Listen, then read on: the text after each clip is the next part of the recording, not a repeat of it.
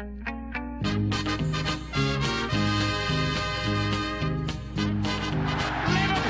are champions of Europe again. Liverpool are prize winners again. Liverpool is in the record books.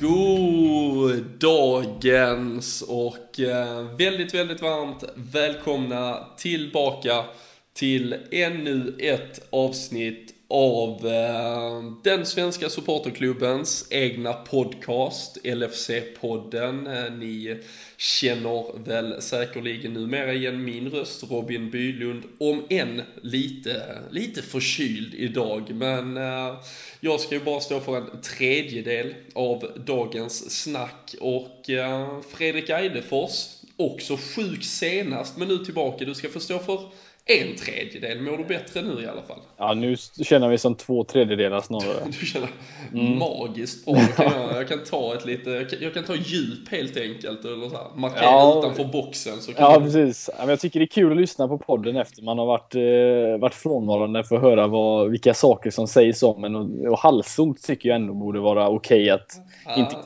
prata. Men feber och koma och sånt där, det är inget, det är inget som eh, ska hålla sig från bort, bort från, från podden i alla fall. Utan eh, halsont är okej tycker jag. Ja, ja, men så är det. Så är det. Vi ska gärna, det räcker att du har en eh, hemsk göteborgska. Och eh, du och jag har ju fått eh, fenomenalt fantastiskt eh, sällskap. Eh, Viktor Fagersson och Robin Fredriksson är tyvärr borta idag. Och istället eh, skribent på supporterklubbens hemsida på lfc.nu från eh, metropolen Söderhamn, eh, Karl Sundqvist, kliver in och gör ett debutavsnitt. Jajamän. Hur, eh, hur känns det i kroppen? Alltså först har vi Klopp gör debut i lördags, du gör poddebut här.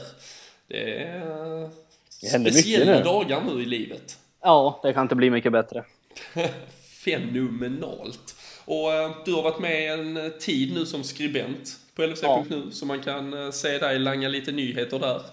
Och finns väl även på Twitter Ja, det gör jag. Jajamän. Så uh, sök upp Kalle Sunken Sundqvist. Ja, vi kan.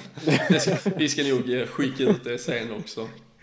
Men äh, det känns bra att vi har en helig äh, trehörning här åtminstone att stå på när vi ska ta oss an allt det som varit. Äh, Jörgen Klopp har ju äntligen klivit in i hetluften på allvar. Eh, om än att den senaste veckan såklart kantades av en hel del ehm, tyvärr negativa överraskningar vad gällde framförallt skadeläget. Så såklart lite om hur eh, laget eh, ställdes upp mot Tottenham, vad vi fick se, vilka tendenser och hur, hur den här truppen vi nu står med kan klara sig framöver är, är något av det vi ska dyka ner i idag. Vi vill också passa på att inledningsvis nämna en av eh, våra sponsorer. En eh, ny vän som tittar in just i detta avsnittet, nämligen eh,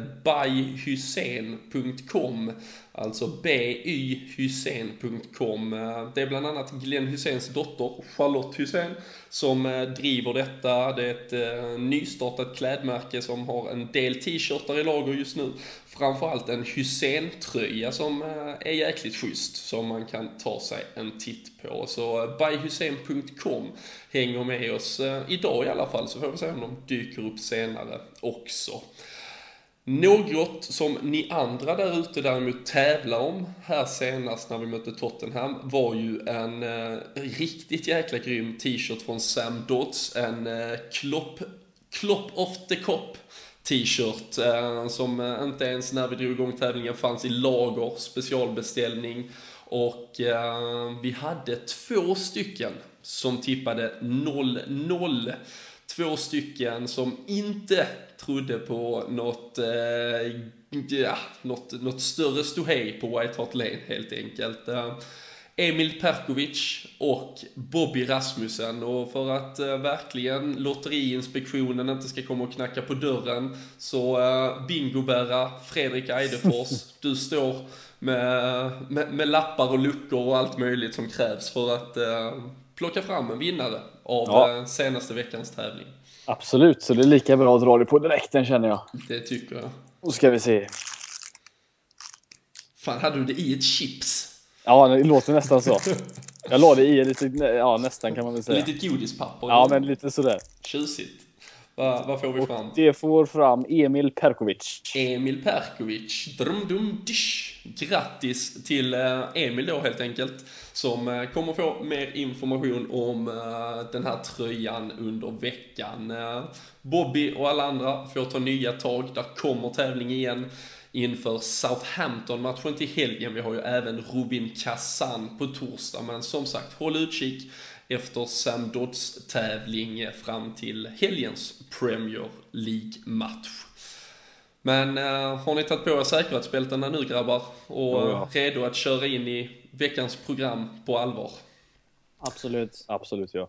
Underbart. Ehm, det var ju som sagt dags, eh, det var ett uppdukat bord, det var dags för debut, det var dags för Jörgen Klopp att kliva in i, i Premier League, i Liverpools historieböcker och eh, som nämnt så var det ju verkligen med en, en skadeskjuten, en i det närmsta sargad trupp. Han eh, gick in i det här nya uppdraget och nya äventyret med eh, och eh, vi ska såklart dyka ner i allt det här, men något som verkligen på något sätt blev liksom något form av ett sista dråpslag där man verkligen kände att fan, nu blir det ändå tufft. Det var ju när man sent på kvällen innan match fick ut nyheten om att Daniel Sturridge troligen skulle missa matchen på grund av skada. Vi fick det bekräftat lite sen och jag kände bara här att innan vi liksom som sagt dyker ner i Jörgen Klopp, det nya Liverpool, allt annat. Eh, Daniel Sturridge, som sagt, återigen skadad. När och var och, och, och kanske är det nu, börjar gränsen liksom gå till att vi kan ha Daniel Sturridge som överhuvudtaget, kan han ens ses som en, en första striker, Fredrik? Och liksom, kan han eh, kan han fylla den platsen i en trupp när han har just de här skadebekymmerna konstant egentligen? Ja, alltså, det är ju väldigt svårt att kunna bygga ett lag runt en, eh, Eh, runt en spelare som spelar så pass eh, få av matcherna egentligen under säsongerna. Eh, jag kommer ju bara ihåg eh, Torres-tiden framförallt när man mer eller mindre innan match bara kunde få en, liksom, en uppdatering att han är skadad. Man tyckte att han var borta rätt mycket men det här är ju framförallt i slutet av hans karriär men det här är ju liksom löjligt liksom. Det känns som att det är någonting som händer varenda gång så fort han tar på sig skorna egentligen. Så att det, det, är svårt att kunna bygga. Jag skulle aldrig någonsin själv som tränare bygga ett lag runt någon som man inte riktigt vet. Det eh, måste vara jobbigt för honom som sagt, extremt jobbigt. Men eh, man måste se det som en eh, ja, det är som det är ett helt lag som det gäller. Så att det, är, det är tråkigt att det händer honom för att han eh, visade ju när han kom tillbaka mot Villa att han eh, kan stå för lite magi när så fort han får chansen i alla fall. Mm. Ja, det är ju en otroligt prekär situation egentligen. Eh, Karl, om man ser till att när han spelar är han ju fantastiskt bra, men spelar så lite i förhållande till, till liksom vad, som, vad som behövs för liksom bedömd på sin ja, kompetens och prestation när han väl spelar så är han ju liksom en, en toppanfallare. Han förtjänar den dyra lönen, han förtjänar liksom en framskjuten roll. Men det räcker ju inte riktigt. Nej, det känns ju som att det, det är lite där skon klämmer faktiskt. Och lika där inne som Fredrik var inne på, att det är svårt att bygga ett lag runt en spelare som är, är skadad så pass mycket. Så hans position som första striker tycker jag försvann när vi värvade Benteke, men nu får man ju återigen se hur det blir när Kloppa kommer in, hur han, hur han ser på Benteke och, och Sturridge då, så att säga. Mm.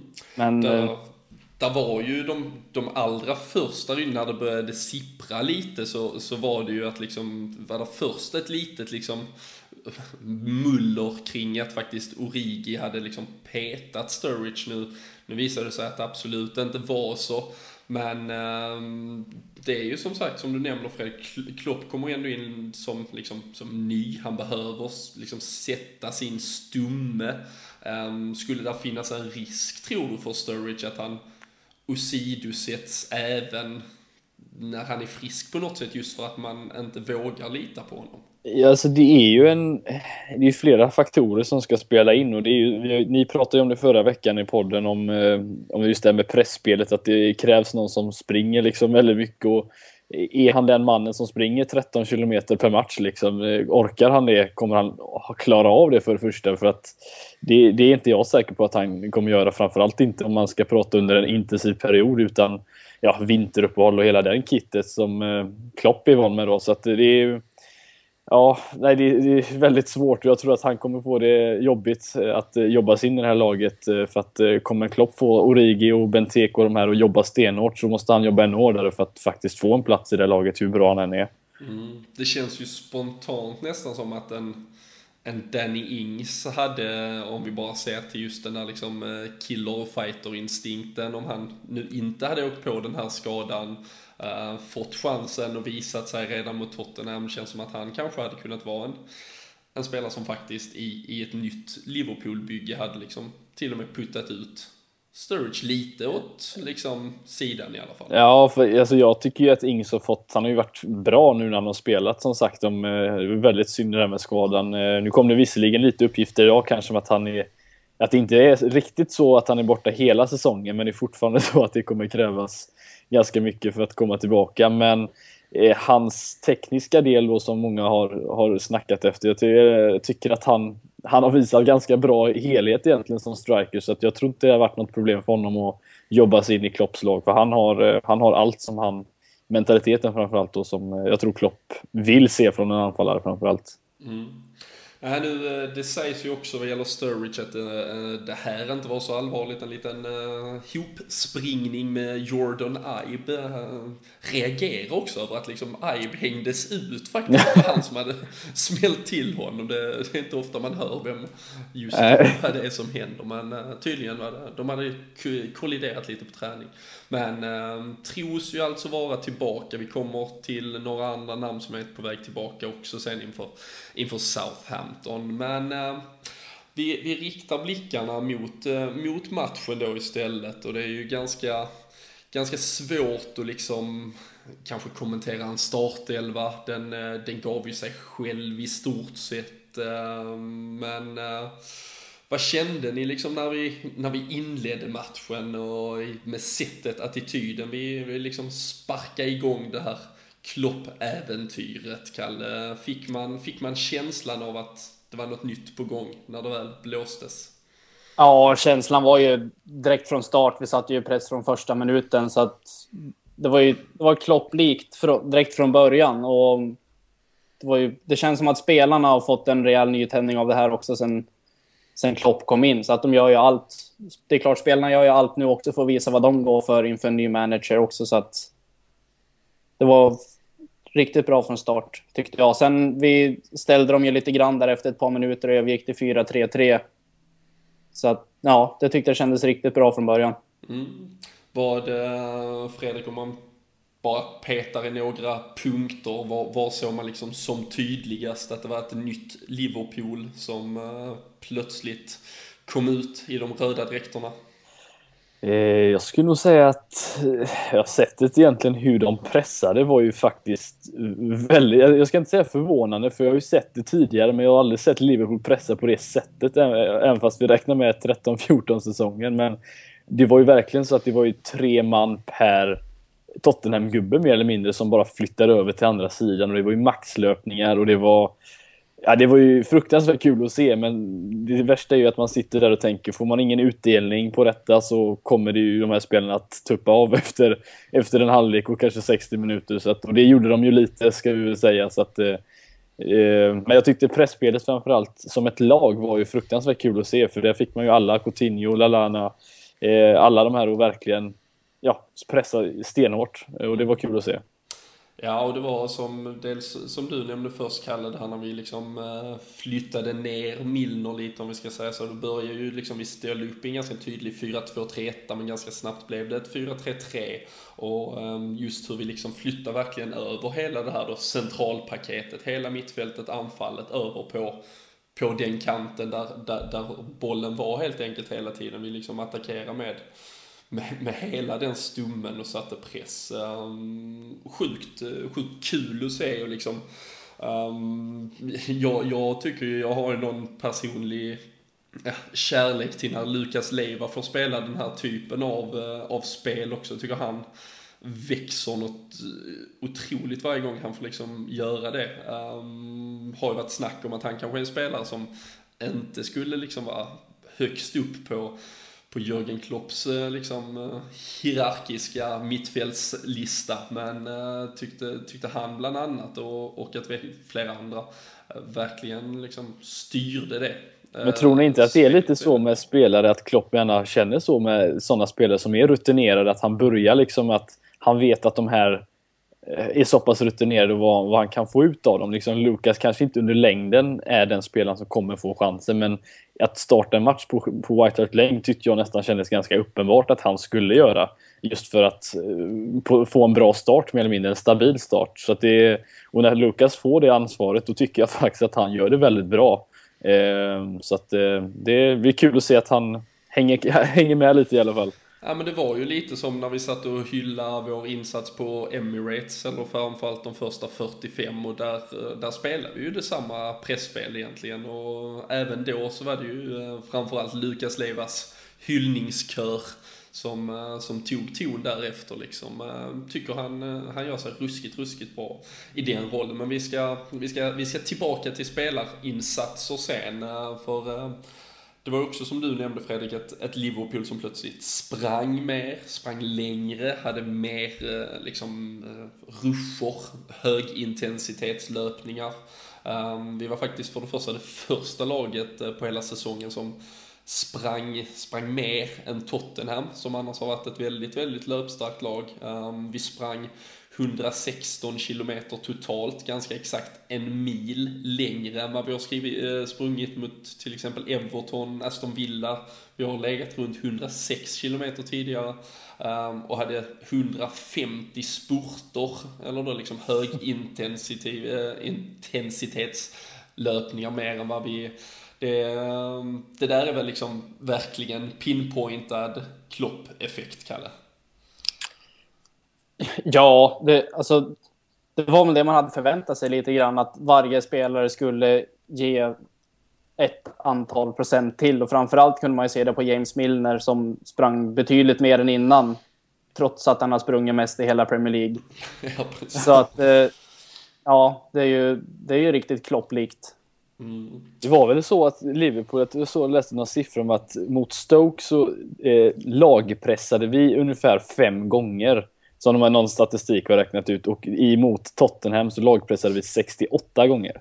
Alltså hur många gånger de har räknat ut hur laget pressar mm. en motståndare helt enkelt. Det är ju helt sjuka siffror. Alltså 68, alltså jag vet inte riktigt vad normalt är men det känns som att det där är överdrivet mycket. Ja, eh, det, det är väl effekten då. Ja, nej, det ska ju poängteras att just mot Stoke så var vi ju löjligt passiva ja. också. Men... men Arsenal, även de siffrorna var relativt låga, för där var ja. det ju där var det mycket bolltapp liksom från dem, eh, så, liksom misstag och så. Men eh, i den här matchen så var det väldigt mycket intensitet från hela laget och det, det kanske är det vi kommer för att få se framöver helt enkelt.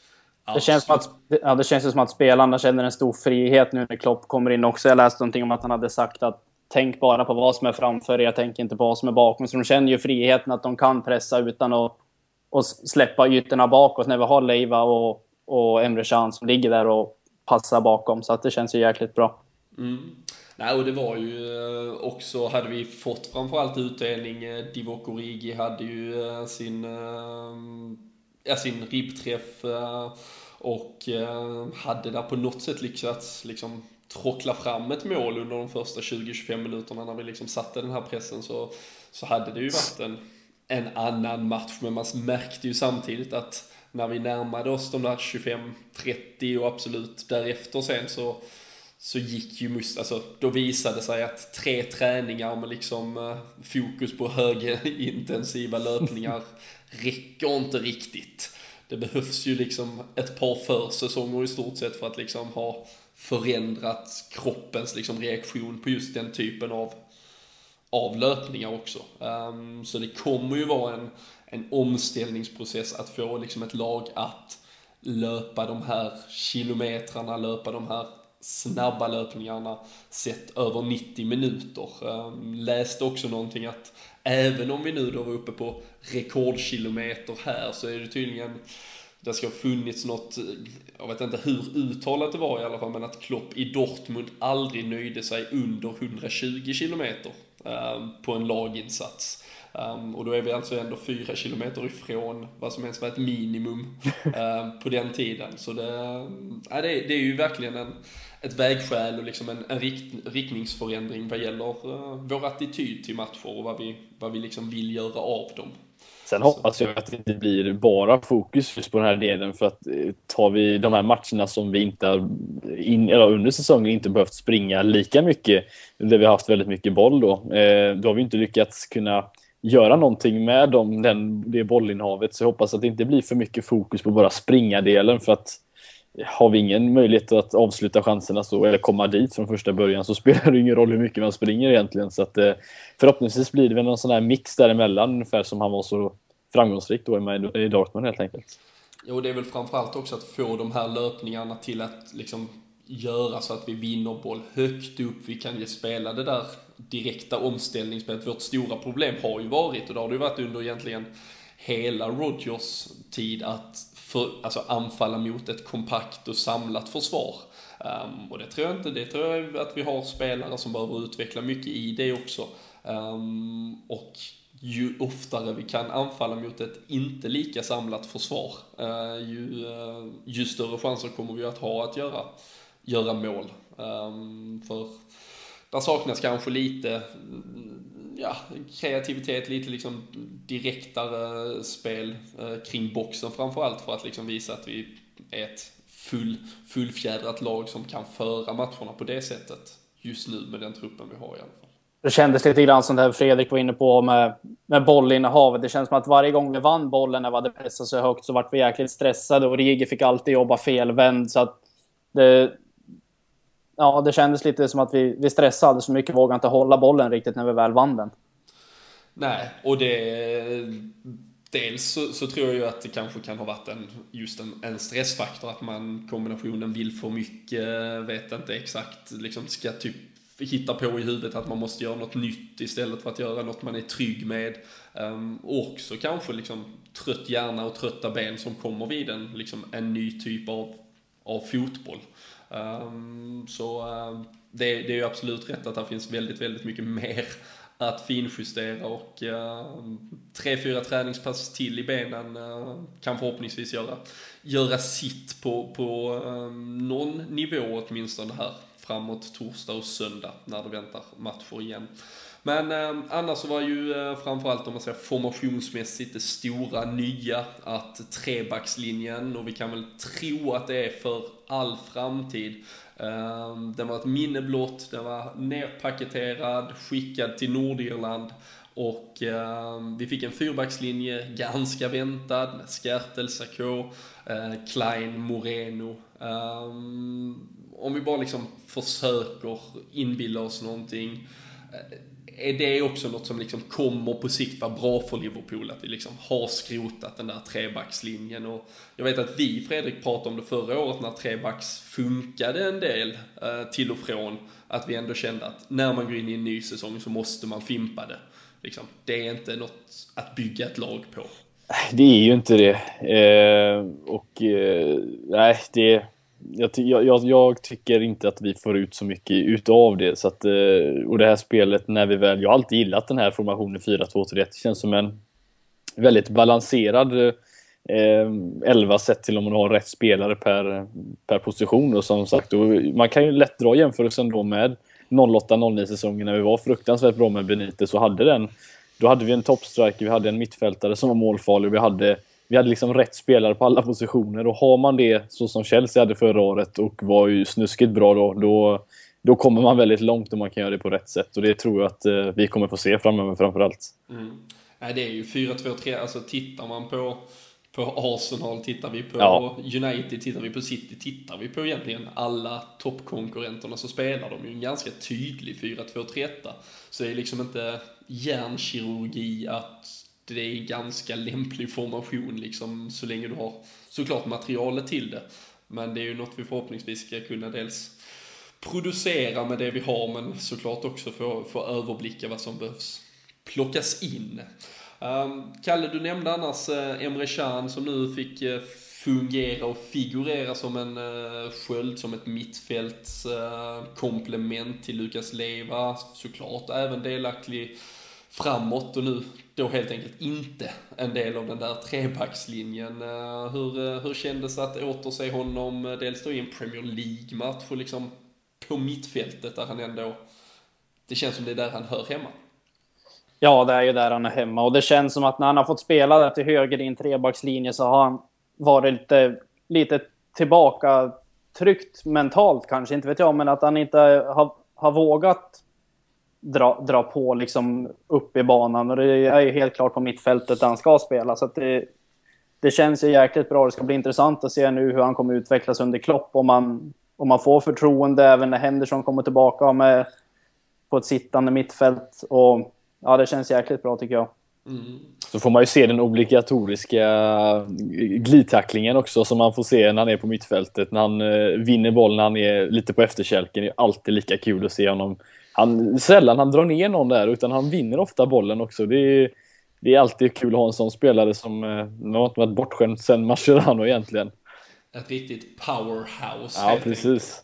Men, eh, och det känns också som att han i den där trebackslinjen framförallt denna har blivit liksom loj och ganska ointresserad av att mycket de här ganska liksom habila insatserna i eget eh, straffområde. Han har inte känts engagerad alls. Det känns som att det verkligen behövdes ett lyft för honom att liksom få komma bort från den där rollen. Ja, speciellt den här säsongen. Jag tyckte det funkade förhållandevis bra förra året när vi lirade den där trebackslinjen. Men i, i år så tycker jag inte att han har... Han har haft det jäkligt tungt i år faktiskt på när de lirar den där trebackslinjen. Så det ska bli jäkligt intressant nu att se vart det tar vägen på mittfältet. Mm. Vad, eh, var det annars några spelare, Kalle, du, du plockar fram som man kände liksom att, eh, och fick liksom känslan, eller att det är tankar du har gjort dig tidigare av spelare liksom som kommer att kunna höja sig, om de nu kanske fick någon ny position, nya direktiv, eller liksom bara allmänt verkar trivas i det här liksom högpressande, intensiva Liverpool som Jörgen Klopp vill leda? Om man ser till matchen i helgen så tycker jag Lalana visade upp att han han har fått en ny tändning av det här managerbytet. Sen tror jag även Firmino kommer få ett jäkla lyft um, ja, av Klopp också. Men framförallt från matchen i helgen, Lalana, helt klart. Mm. Och Fredrik, där var ju Rogers också, äh, Rogers, Klopp, ännu en gång säger jag fel. Ja, ni hade fel, ni sa det mycket förra avsnittet. Ja, det är inte, du, du ser, vi har inte, vi har inte helt... En ful ovana. Ja, ja, precis. Men, eh, nej, men Klopp var ju också, han nämnde ju faktiskt uh, Lalana där, att han liksom, det han minns av Lalana, det han verkligen känner kring honom, det är ju liksom Southampton-tiden och att det absolut finns potential att, att liksom kräma mer ur honom. Ja, det har man följt Southampton tidigare så det är egentligen bara att gå in och youtuba, eller bland annat från året innan han gick till Liverpool och se liksom eh, eh, han var ju målfarlig, han gjorde väl en hel del mål, kanske inte över 10 i alla fall, men han gjorde ju strax under där och gjorde en hel del assist också. Men framförallt att han visade ju det som, eh, jag ska inte dra liknelsen kanske med Mkhitaryan direkt, men det är ändå en mittfältare som, har väl, som kan skjuta med båda fötterna, eh, som är finurlig och eh, följer gärna med upp som sagt och kan springa extremt mycket. Och jag tror att det är det lite han vill kanske få ut från honom.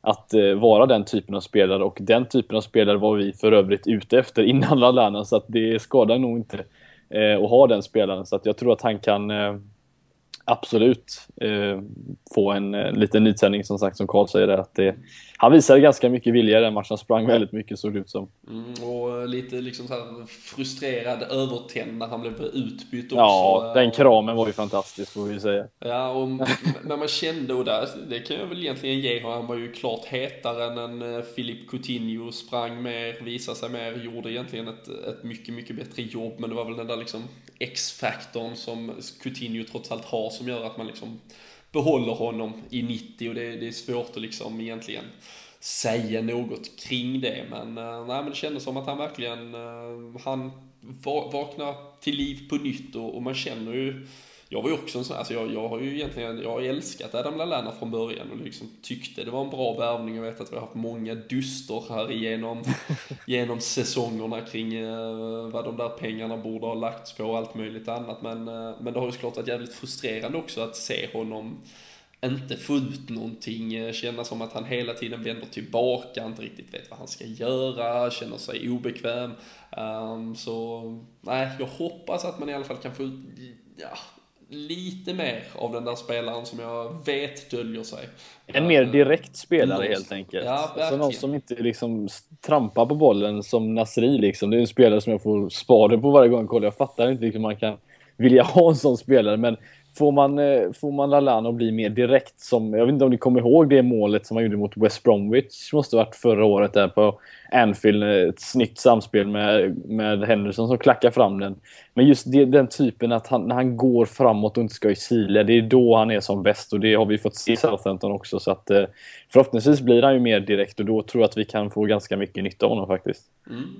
Var där eh, annars någon spelare som du kände eh, tog, tog ett kliv eller direkt liksom markerar revir i eh, Klopps ledning? Mamadou. Mamadou? Ja, jag tyckte han var fantastisk faktiskt. Det måste jag säga. Han är, var ett monster där bak. Han, vi vet ju att han är passningsskicklig och att han hittar de här passningarna framåt. Och det är just det som kan göra oss också mer direkta. När han kan hitta en passning istället för att gå direkt till Henderson, Lucas eller Chan och hitta Coutinho egentligen då, den typen har vi varit saknat när han inte har spelat. Så att, eh, eh det är gött att få se honom igen och det gör nog Fredriksson glad också. Det, det får vi göra honom. Ja, han sitter väl på en, en stubbe någonstans och bara njuter. En sån här Andrea Pirlo-pose med ett glas rödvin och, och har det bra. Men um, Coutinho där annars, Kalle, eh, han uh, har haft lite vacklande form eh, nu, absolut inte bra nu heller. Uh, är ju såklart liksom vårt ändå affischnamn, den store spelaren som ska, men uh, hur akut och framförallt om vi tittar till skadeläget, är det liksom att Klopp får fart på honom nu också?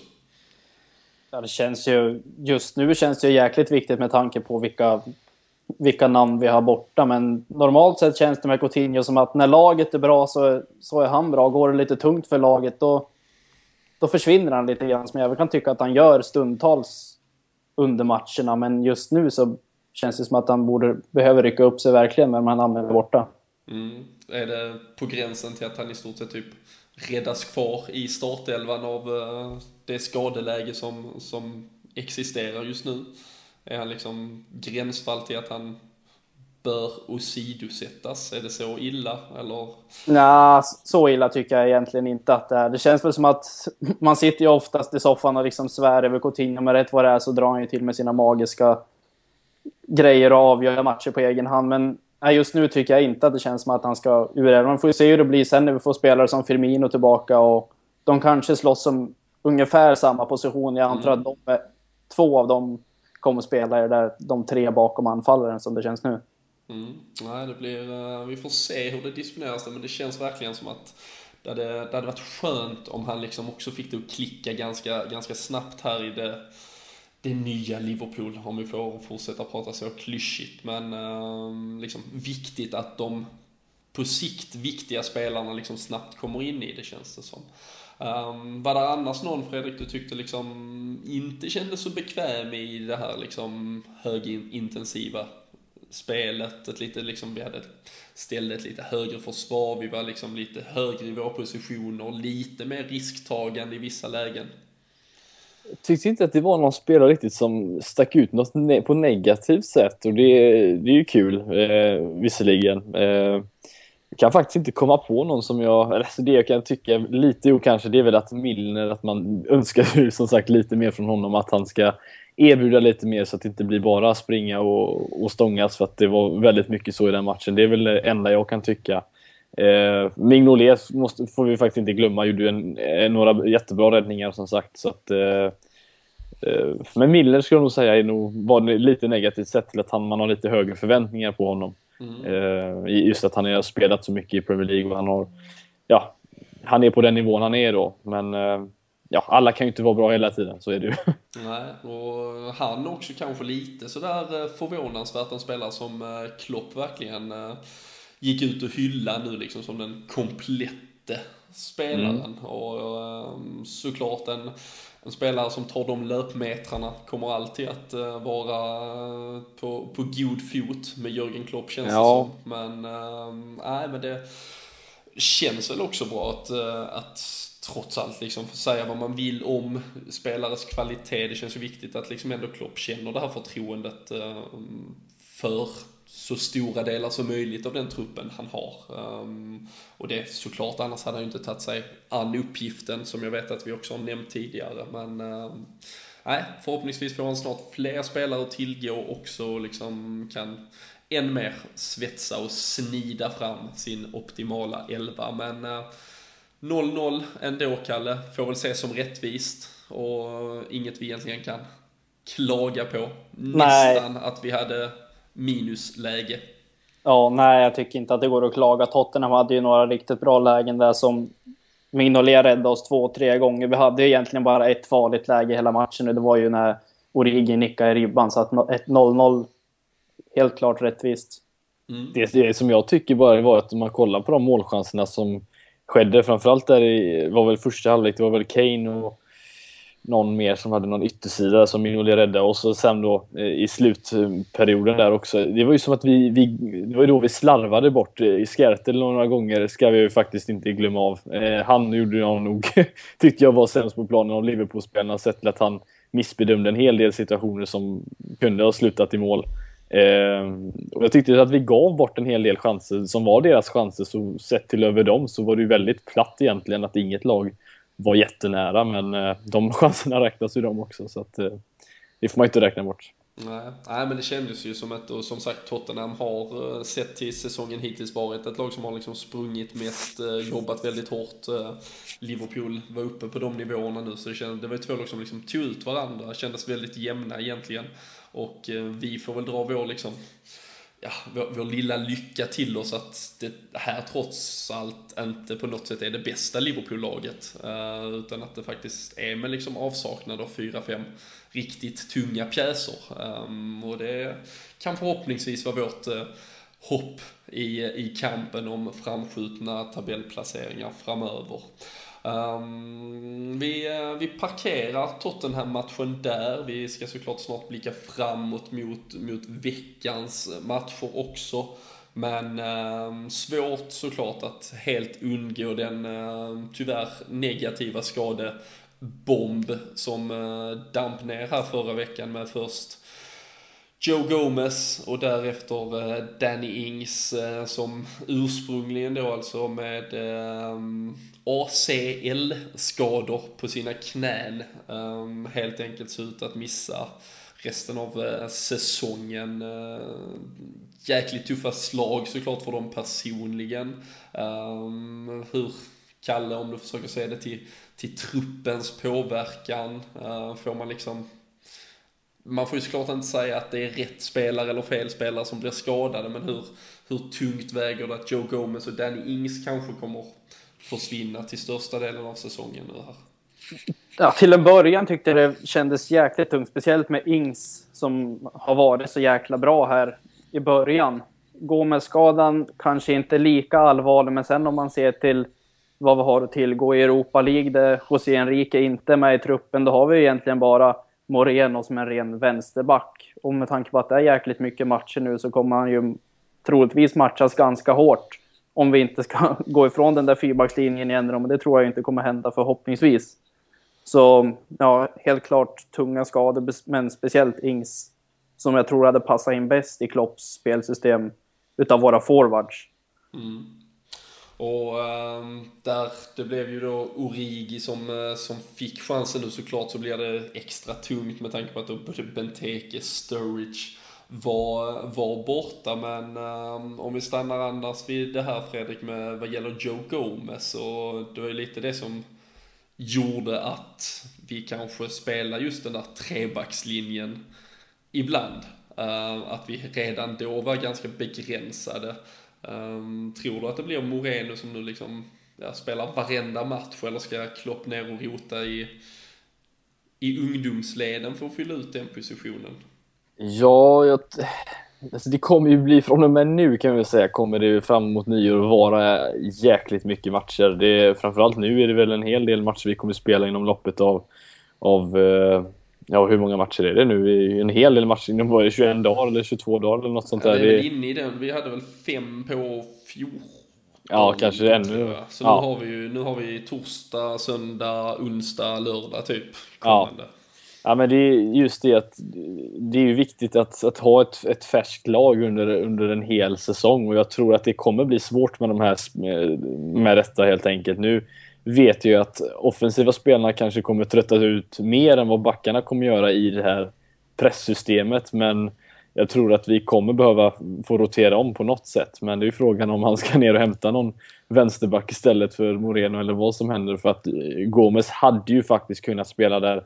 Men beror på hur det är med Flanagan som till exempel är på väg tillbaka också som kommer kunna vikariera där med. Eh, tills vi eh, ja, i min drömvärld köper Ricardo Rodriguez från Wolfsburg. Men det, det tar vi en annan podd. Det, det, det tar vi då. Ja, eh, nej, men eh, när Flanagan är tillbaka tror jag det kan bli rotation där. Nu vet jag inte vilken, vad det finns för tid på honom, men ja.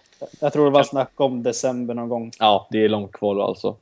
Ja, det vet tusan vad han ska göra alltså. Han kan ju spela mycket Moreno. Han är som att uh, han springer och springer och aldrig känner efter så att uh, ja, vi får se. Mm. José Enrique kanske får en, en, Han kanske ändå får vädra dojorna mot eh, Bournemouth nästa vecka i Capital Ja, men något i det i alla fall, ja precis. Så vi, eh, nej, det är en spelare som eh, såklart var verkligen åsidosatt av Rodgers och som inte heller var i truppen nu när Klopp presenterar sin första ska ju sägas. Så, ja, verkar ju tyvärr ändå vara långt ifrån någon form av ordinarie elva åtminstone. Och alltså även då med tanke på det skadeläge som, som råder.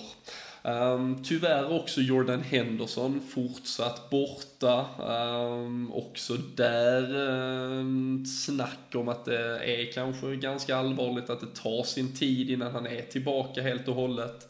Um, och som sagt då visserligen med en Emre Can som kanske kliver in och, och fyller det tomrummet förhoppningsvis. Eh, offensivt så verkar vi däremot ha eh, Roberto Firmino, Christian Benteke och Daniel Sturridge då som gjorde ett, ett litet snabbt avstick vad gäller eh, ja, spelformen helt enkelt. Men alla de tre tillbaka i träning denna veckan sägs det Kalle, men att de inte vågar väl riskeras mot Kazan åtminstone.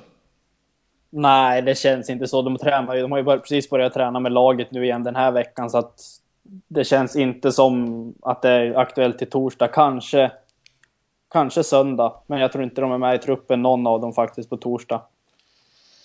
Och ehm, då är det ju egentligen frågan hur mycket, vi nämnde precis det här liksom tuffa matchschemat vi har framför oss. Vi nämner då alltså att trots tre tre väldigt starka spelare på väg tillbaka, men liksom de är inte klara för Kazan. Eh, man kan säga att Kazan egentligen är en måste-match på alla sätt och vis. Vi har bara två kryss i inledningen här.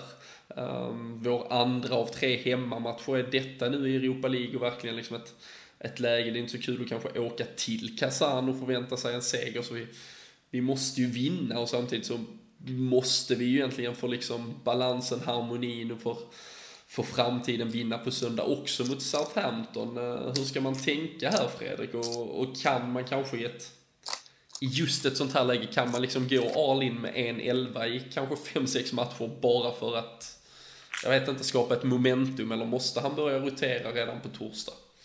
Jag tror att eh, många av de spelarna, tar till exempel en Origi, kommer eh, med all säkerhet att få starta den matchen med tanke på hur situationen är med de andra.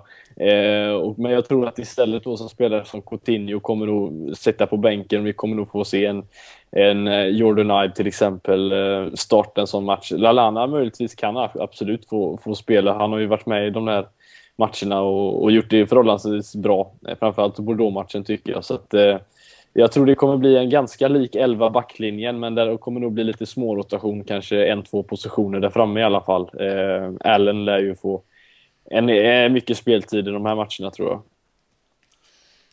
Kalle, dina tankar kring hur vi ställer upp det formerade, vilka spelare som vi ändå kan liksom kosta på oss att vila mot Kazan på torsdag? Ja, det är lite lurigt just nu precis när Kloppa kommer in också. Självklart vill han få en bra start så han kommer ju inte ställa ut liksom något brödgäng mot, mot Kazan på torsdag. Han vill ju självklart vinna matchen.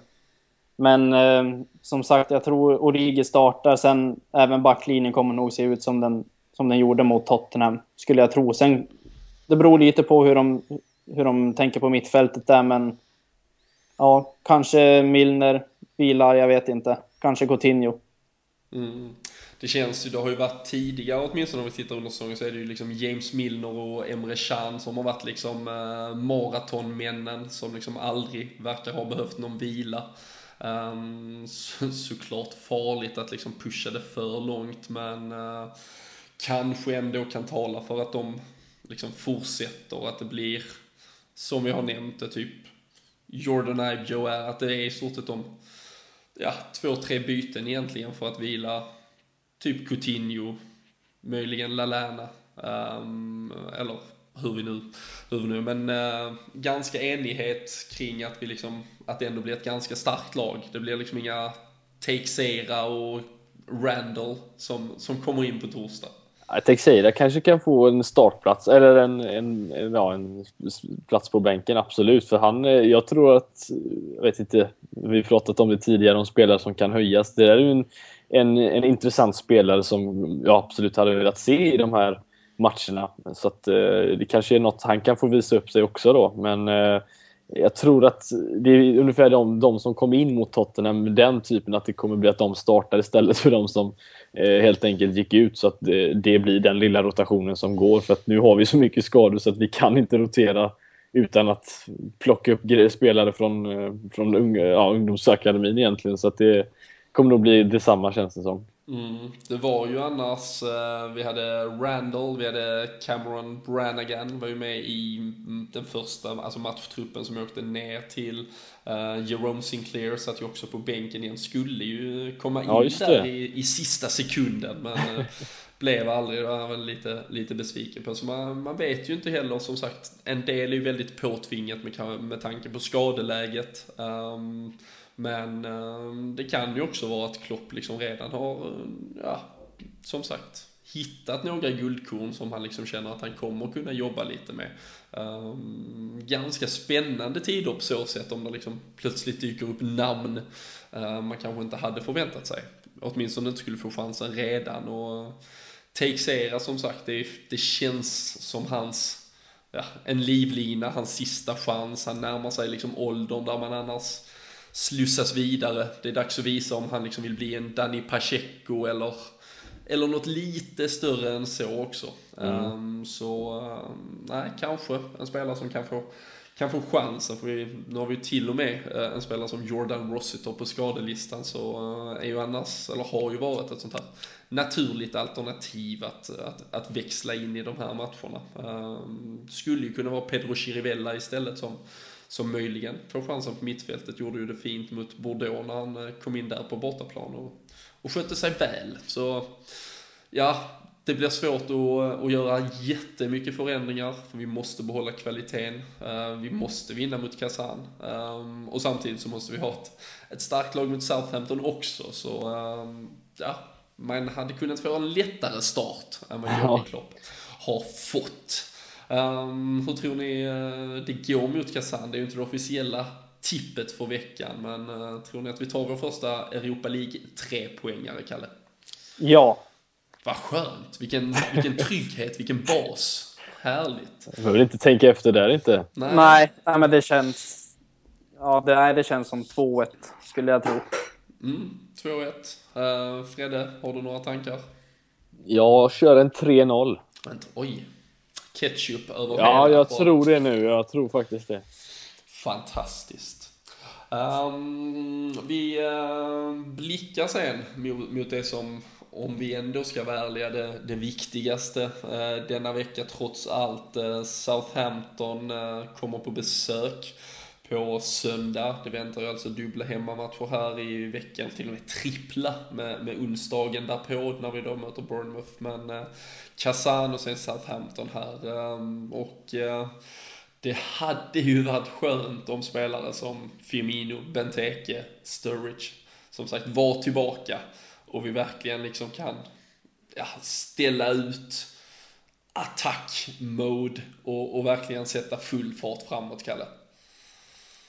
Ja, det skulle det verkligen kännas som. Och sen, det känns inte som att Klopp kommer våga riskera till exempel Sturridge nu mot, mot Kazan på torsdag, så han kommer säkert kunna gå in och starta mot Southampton till helgen. Det var ju, var ju tydligen inget allvarligt. Så det känns ju som att han kommer kunna gå in. Sen kommer vi nog spela med samma, samma tre där bakom. Möjligtvis att vi kommer kunna slänga in Firmino där förhoppningsvis. För han tror jag kommer bli riktigt bra nu under, under Klopp. Mm. Vem, eh, vem får flytta på sig om eh, Roberto Firmino är frisk? Ja, ja svår fråga. Lalana kanske. Jag vet inte. Han ju, jag tycker är synd att flytta på Lalana nu också. Jag tycker han har sett riktigt bra ut nu, speciellt mot Tottenham sist. Lurigt. Mm. Kanske till och med en riktigt, riktigt offensiv 4-2-3-1 eh, annars, där alla får plats och Milner spelar på mittfältet med Chan. Ja, inte omöjligt. Det känns som att en sån här, nu vet jag inte, mot Southampton vill vi styra matchen kanske han kan gå in istället för, gå in istället för Lukas. Det där har ju, har ju varit Rodgers akilleshäl lite grann. Har en elva gått bra en gång, då spelar den automatiskt nästa match. Mm. Det känns som att vi ska väl inte ligga och försvara oss mot, mot Southampton, så då är det inte omöjligt att Milner går in där istället för Lukas. Mm. Vad tror du Fredde om uh, små justeringar? Va, om vi nu får några positiva skadecomebacker här, vad, vad hade kunnat göra att vi blev lite edgigare och, och farligare? Ja, jag tror att det blir nog eh, uh, Sturridge in uh, och Origi ut och mer eller mindre kanske samma elva som spelade mot Spurs faktiskt. Uh, tror att han var rätt nöjd med, med vad han fick se där och behövde som sagt bara lite, lite mer eh, skärpade framme för att vinna den matchen. Eh, så att jag tror att det blir en, en minsta egentligen och det är Sturridge att han kommer in och att Origi går ut. Sen tror jag inte Firmino kommer att eh, starta. Han kommer nog, eh, han kommer nog hoppa in i alla fall men eh, tror att jag, jag, är lite fundersam över hur det blir med Coutinho alltså för att det Ja, han har ju inte varit bra liksom. Det, om han skulle ta någon plats där eller vad, vad som händer. För han ser lite trött ut ibland. Så att, eh, kanske att man får se någon, något byte därav också. Det, det vet man ju inte. Mm. Nej, där, eh, där är en del huvudbry. Det är ju inte så att allting har klaffat helt och hållet. Det är inte så att alla spelare på något sätt är liksom uppe och spelar på 100% av sin nivå. Ehm, det lär såklart bli liksom deras fysiska status som, uh, som avgör i slutändan. Men uh, oavsett om vi nu skulle få Sturridge komma in, det vill säga en Origi på bänken, kanske en Firmino, en Benteke på bänken. Alltså två, tre namn till som åtminstone verkligen gör att helheten förstärks.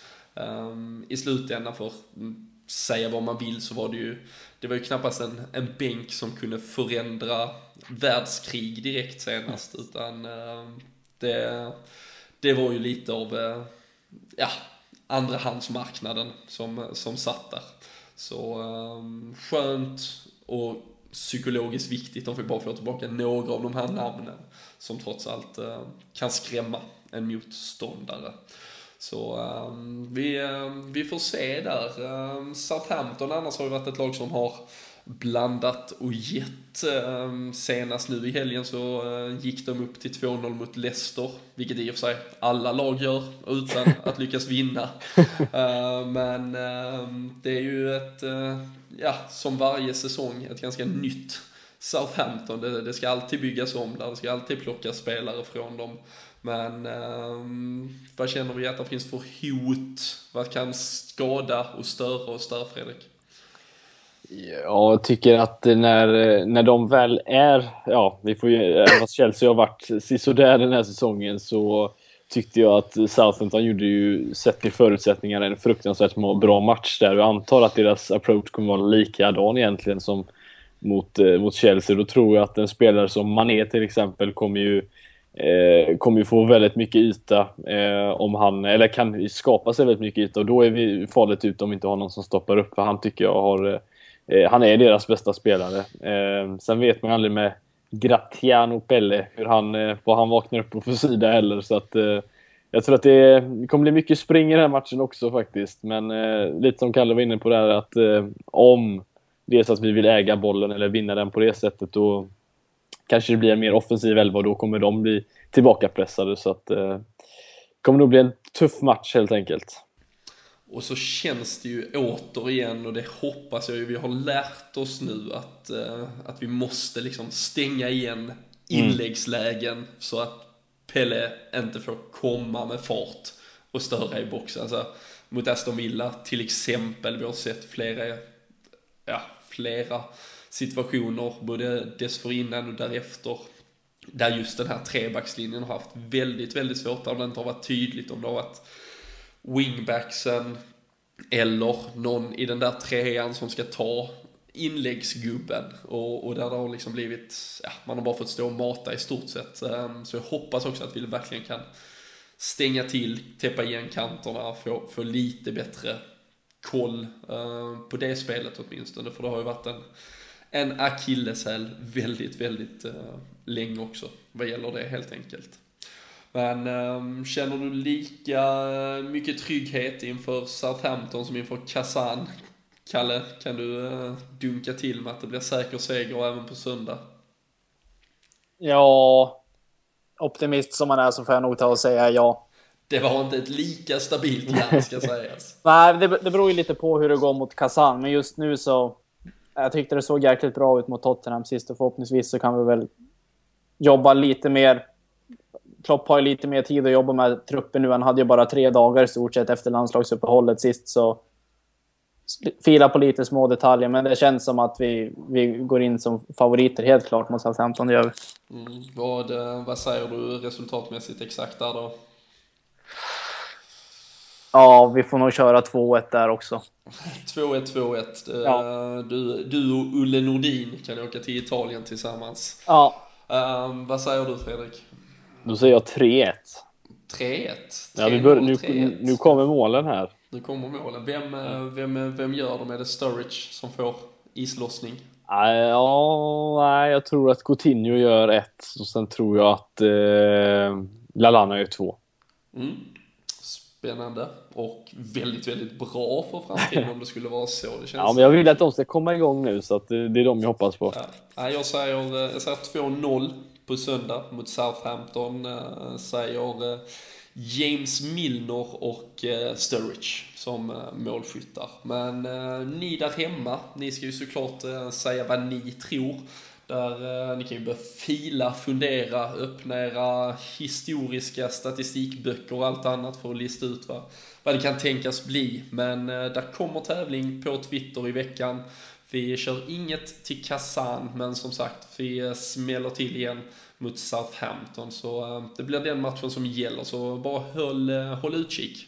Så är det bara att, eh, att tippa och som sagt kunna vinna någonting från Sam Dodds där helt enkelt. Ehm, kan också påminna att om ni har missat någonting från förra veckans podd så är det ju också ett eh, extrainslag, tilläggstid, där vi kör eh, lite eh, historisk genomgång och stötte på Steve Highway i senaste avsnittet. Och där finns också lite, eh, dels massa att lära, men också en tävling som Samdod sponsrar. Då kan man vinna ett presentkort på 200 spänn. Om man är med där, så lyssna på förra veckans avsnitt, plocka upp det, svara på frågorna. Så finns det ett presentkort att vinna alltså. Kan man köpa sig den här klopp-tishan om man nu inte kan tippa tillräckligt eh, bra helt enkelt. Ehm, så vi, eh, jag tror vi bör summera. Kalle, välkommen eh, in. Tack för debuten. Kändes det, kändes det bra? Tack själv idag. Jag tycker det känns bra. Det känns bra. Du är, du är nöjd. Du, du kan andas igen.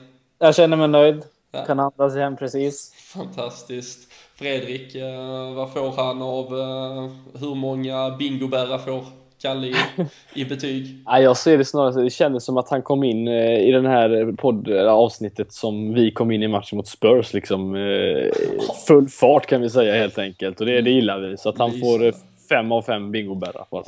Full fart, pyspunka efter hälften. Jajamän, han är helt enkelt varmt välkommen tillbaka. Ja. Vi äh, tackar med de orden för, äh, för denna vecka. vi har som sagt två matcher att se fram emot, så det är bara att hålla tummarna, tagga till det och köra full fart framåt, precis som Liverpool. Och så får ni njuta av veckan och så hörs vi igen nästa vecka.